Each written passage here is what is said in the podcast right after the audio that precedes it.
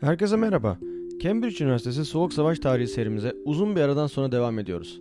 Bugünkü konumuz Soğuk Savaş'ın başlangıcında Sovyetler Birliği ve Çin'in işbirliği ve bu işbirliğinin Asya'daki Soğuk Savaş dinamiklerine etkisi olacak.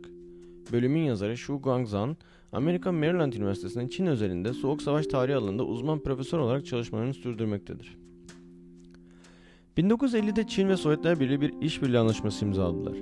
Çin'in Sovyetlerden beklentileri yüksekti. Yeni kurulmuş bir komünist devlet olarak korunmak ve desteklenmek istiyordu. İşbirliğinin ilk sınavı Kore Savaşı olacaktı. Sovyetler Birliği gerekli askeri tesisat desteği vererek Çin'in Kuzey Kore'yi kurtarmasına yardım etmiş oldu. Ancak uluslararası ambargoya maruz kalan Çin'in Sovyet ekonomik yardımlarına her zamankinden daha fazla ihtiyacı vardı. Stalin'in ölümünden iki ay sonra yeni Sovyet hükümeti Çin'in istediği desteği vermek üzere bir anlaşma imzaladı. 91 tane askeri savunma projesi hayata geçirilecekti. Mao, Hruşçev'in yeni Sovyet lideri olması için desteğini açıklıyordu ve Sovyetler de onlarca teknik uzmanı Çin'e göndermişti ve çok sayıda Çinli öğrenci Sovyet üniversitelerine kabul edilmişti. Hruşçev'in liderliği kesinleştikten sonra da ilişkiler gelişmeye devam etti ve Mao ile birçok defa bir araya geldi.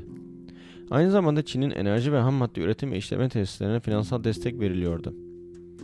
Hem Sovyetlerden hem de Avrupa Doğu Bloğu ülkelerinden materyal desteği verilerek yüze aşkın fabrika kurulumu gerçekleştirildi. Sovyetlerden Çin'e teknoloji transferi yapılıyordu. Doğu Avrupa ülkelerinde genellikle tarıma dalı sanayi varken Çin'de hali teknik sanayiye yatırım yapılıyordu ve petrol aramadan lokomotiv üretimine, enerji santrallerine kadar geniş bir alanda Çin sanayisi güçlendiriliyordu. Çin ise karşılığında Sovyet askeri sanayinin ihtiyacı olduğu tüm doğal ham madde kaynaklarını uygun fiyata da Sovyetlere veriyordu. Üstelik Çin'e komşu diğer Asya ülkelerinden de ürünler tedarik ederek Sovyet sanayini besliyordu. Çin tarafı Sovyetlerin tüm yaptıkları yardımlara karşın kendilerini kullandıklarını düşünüyordu. İlişkilerin ilk gerilimi Çin tarafının nükleer bir program geliştirmek için destek isteğinin Sovyetler tarafından reddedilmesiydi. Sovyet tarafı Çin'in kendisine ait bir nükleer bombaya ihtiyacı olmadığını, zaten Sovyetler tarafından korunduğunu ve isterse enerji amaçlı nükleer enerji santrali kurulabileceğini söylemişti. Bu Çin için bir hayal kırıklığı olmuştu. Üstelik Sovyet tarafı Çin'den uranyum maddesi satın almak istediğini dile getiriyordu. Çin, uranyum bakımından zengin kaynaklara sahipti ve bu maddeyi sadece kendisinin nükleer bomba geliştirme imkanı verilmesi halinde paylaşabileceğini söylüyordu. Sovyetler, barışçıl amaçla nükleer enerji santrali kurma sözü vermişti.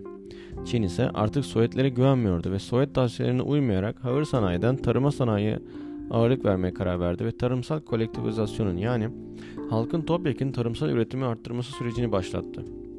Bu tarımsal kolektivizasyon uğruna milyonlarca insan açlıktan ölecekti. 1956 yılında Sovyet lideri Hruşçev'in Sovyet Parti Kongresi'nin açık açık Stalin'i eleştirmesi ve Stalin'in her türlü etkisinin silinmesini hedeflendiği destalinizasyon politikalarının açıklaması Mao'nun tepkisini çekecekti. Mao'nun tepkisini çeken şey Stalin'in eleştirilmesi değil, komünist dünya için önemli bir kararın Çin'e danışılmadan, hatta haber dahi verilmeden hayata geçirilmesiydi. Her ne kadar ilişkiler henüz kopmamışsa da ilişkilerin ilk günkü samimiyeti bu gelişmelerden dolayı azalmıştı. İlişkilerin sınanması 1957'den itibaren başlayacaktı. Çin'in ilk 5 yıllık kalkınma planı sanayi üretimi açısından çok iyiydi. Ancak Çin 15 sene içerisinde Çin'in Amerika kadar gelişmiş olacağına inanıyordu ve tarım alanında da ilerleme kaydedilecekti. 1957 yılında yapılan bir toplantıda Sovyet tarafı ilerlemenin daha yavaş olması gerektiğini ve tarımsal politikaların kötü sonuçlanabileceği uyarısında bulunmuştu. Ama Çin tarafı sert bir şekilde karşı çıkmıştı. Hatta, hatta Çin tarafı Sovyetlerin Çin'in gelişmesini istemediğini iddia etmeye başlamıştı. Yükselen Çin Sovyetlere rakip olabilirdi. Evet Çin böyle düşünüyordu. Sovyetler dost değildi. Çin tarafı çıldırmıştı ve her platformda Sovyetlerin kendilerinin gelişmesini istemediğini ama Çin'in 7-8 sene içerisinde İngiltere ve Amerika'dan bile daha güçlü olacağını söylüyorlardı. Mao, Büyük Sıçrama isminde bir politika başlattığını duyurdu. Sovyetler ise halen itidalli yaklaşıyor ve Çin'in ekonomi politikalarının başarı bulduklarını açıklıyorlardı. Ancak Çin'in ısrarlı nükleer araştırma isteklerini politik manevralarla erteliyorlardı. Amerika'nın Tayvan'a füze yerleştirmesi ihtimaline karşı Sovyetler Çin'den böyle bir durum olursa Çin'e füze bataryaları yerleştirmek istediklerini söylediler. Çin tarafı bu isteği reddedecekti. Sovyet tarafı Çin'in denizlerde kıta sahanlığını kullanmak ve Sovyet devriye gemilerini yerleştirmek istediğini ilettiğinde Çin tarafı Sovyetlerin kendilerini kontrol etmeye çalıştığından denizden kuşatacaklarını düşünüyordu ve bu istek de reddedilmişti. Çin diyordu ki eğer kıyılara bir radyo radar kurulacaksa bu Çin'in elinde olmalı ve bu teknoloji Çin'e verilmeli ve o zaman Sovyetler bu radarları veya aynı şekilde roket bataryalarını kullanabilirlerdi. Ancak Çin Sovyetlerin altında bir devlet değildi ve bağımsız bir devlette ve eşit şartlarda muamele görmek istiyordu. Ancak Çin'in Tayvan kıyılarını bombalaması üzerine uluslararası bir kriz çıkmıştı ve Amerika Çin'in nükleer bomba ile vurmakla tehdit ediyordu. Sovyet tarafı tüm gerilen ilişkilere rağmen Çin'e destek olarak Çin'e nükleer saldırının karşılığı kalmayacağını açıkça dile getirmişti. Kriz bir savaşa dönüşmeden tarafların geri çekilmesi üzerine sona erecekti. Ancak Çin ve Sovyet ilişkileri son yıllarda yaşanan karşılıklı suçlamalar, güvensizlikler ve tarafların isteklerinin reddediliyor olmasından dolayı bir hayli kötüleşmişti. 1959'da Mao'nun büyük sıçrama politikasının bir felakete dönüştüğü Sovyet diplomatları tarafından raporlanmaya başlanmıştı. Ayrıca Sovyetler Çin'den Tayvan ve Hindistan'a karşı daha sakin olmasını istiyordu. Huruşçev'in Mao'yu ziyaretinde taraflar karşılıklı olarak birbirlerine suçlamalarda bulunmuştu. Mao, Sovyetlerin kendilerini baskı altına almak istediğini ve Çin'i ele geçirmek istediklerini iddia ediyordu. Huruşçev ise ülkeye döndükten sonra ilişkilerin bozulma nedeninin Mao olduğunu dile getirmişti. Mao, Stalin gibi kendini tanrı gibi görüyor ve kendi kültürünü yaratmak istiyor demişti. Şubat 1960'da Mao yayınladığı bir raporda Sovyet yönetiminin komünist davayı terk ettiğini, revizyonist olduğunu, Batı dünyası ile uyum içinde yaşamak istediğini, Lenin'e ihanet ettiğini yazmıştı. 16 Temmuz 1960'da Sovyetler Çin Büyükelçiliği tüm Sovyet uzmanlarının bugünden itibaren Çin'i terk edeceğini bildirdi. Herhangi bir cevap dahi gelmeden o hafta bütün Sovyet ekibi 1390 uzman Çin'i terk etti ve yürürlükte olan bütün projelerin ve anlaşmanın iptal edildiği açıklandı. 200 aşkın Sovyet projesi yarım kalmıştı. Çin tarafı en azından bu projelerin bitirilmesini istedi. Huruşçev ise bu anlaşmalara uymayarak projeleri yarım bırakmıştı ama artık Çin'e dersinin verilmesi gerektiğine inanıyordu. Hemen gerçekleşen parti kongresinde Huruşçev şöyle söylüyordu. Ne zaman Mao ile konuşsam sanki Stalin ile konuşuyor gibi hissediyorum ve ben buna dayanamıyorum. Mao ise uzmanların çekilmesinden dolayı Çin'in bu zorluğu aşacağını, tek başına projeleri bitireceğini ve artık Sovyet etki alanından ve baskısından kurtulduklarını ve daha özgür olduklarını söylüyordu. Mao'nun büyük sıçrama politikasından dolayı büyük tarımsal üretim beklenildiği gibi gitmemişti ve Çin halkı açlıktan ölmeye başlamıştı. Sovyetler gıda yardımı teklif etmişti ama Mao o kadar çok Sovyetlerden nefret ediyordu ki yardım teklifini geri çevirecekti. 35 milyon kişi ölecekti. Aslında tarımsal kolektivizm demek tüm tarım alanlarının ve tüm tarım işçilerinin devlet için çalışması ve tüm ürünlerin devlet tarafından toplanmasıydı.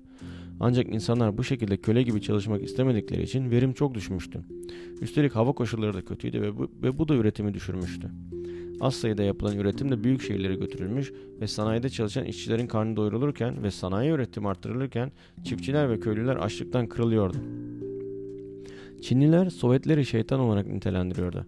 Sovyetler ise Çin'in nankör ve inatçı olarak suçluyordu. Ağustos 1961'de Sovyetler Çin'e bir bilgi vererek Amerika ile anlaştıklarını artık nükleer bomba denemelerine sınır getirdiklerini, üçüncü ülkelere nükleer teknoloji transferi yapmayacaklarını açıkladılar. Çin ise Sovyetlerin Amerika birlikte Çin'i köşeye sıkıştırmak istediğini açıklıyordu. Ayrıca Çin bir süredir Hindistan ile sınırlar açısından yaşadığı anlaşmazlıkları çözmek adına Hindistan'a savaş ilan ederek kısa süren bir savaş sonunda savaşı kazanarak sınır hattında bazı yerleri ele geçirdi. Ve 1964'te Çin ilk nükleer bombasını test ederek nükleer araştırmalarını da başarıyla tamamladı.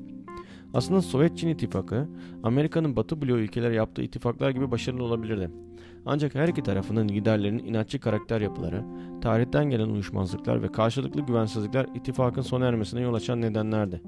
Rusya'nın tarihsel olarak emperyalist geçmişi, Stalin'in Çin İç Savaşı'na yeterli desteği vermemesi ve Hruşçev'in de nükleer teknoloji transferini yapmaması Çin'in gözünden Sovyetlerin kendilerinin Çin'den üstün gördüğünü ve Çin'i egemenliği altına almak istediği şeklinde yorumlanmıştı. Sovyetler ise kendilerini sosyalist dünyanın lideri olarak görüyordu ve ekonomik ve birçok alanda diğer sosyalist ülkelerden kendi modellerini uygulamalarını bekliyordu. Sovyetler neden Çin'in bu konuda sürekli sorun çıkardığını ve inatçılık hatta nankörlük yaptığını anlamakta zorluk çektiklerini belirtiyordu. Sovyet tarafı yardıma ihtiyacı olanın Çin olduğunu, kendilerine ihtiyaçlarının olduğunu, o halde diplomatik olarak da karşılığında kendilerinin sözünün tavsiyelerinin dinlenilmesi gerektiğini inanıyordu. Çinliler ise konulara politik değil de daha kişisel yaklaşıyordu ve en küçük tavsiyeyi büyüklük taslama olarak algılıyorlardı. Tabii ki liderlerin karakter yapıları ve egoları önemliydi. Mao, Huruşçev'in kendisini yönetmek istediğini söylerken aynısını Huruşçev Mao için söylüyordu. Hatta Mao için Stalin diyordu. Ve bu yüzden de İki devlet ortak düşmanları olan kapitalist düzen ve onun en büyük temsilcisi de Amerika'ya karşı kurdukları birliği sürdürememişti. Bu, bu birliktelik ve en sonunda gelen sert ayrılık Asya'da ve tüm dünyada devam eden Soğuk Savaş'ın en önemli gelişmelerinden biri olacaktı. Bugünkü bölümün sonuna geldik. Bir sonraki bölümde Soğuk Savaş'ın başlamasında ve şiddetini arttırmasında nükleer silahların rolünü konuşacağız. Soğuk Savaş tarihiyle ilgili daha önce hazırladığım içeriklere ve diğer alanlarda yaptığım çalışmalara kanalımızdan ulaşabilirsiniz. Bizleri beğenerek, takip ederek ve paylaşarak destek olabilirsiniz. Beni dinlediğiniz için, verdiğiniz tüm destekler için teşekkür ederim. Görüşmek üzere.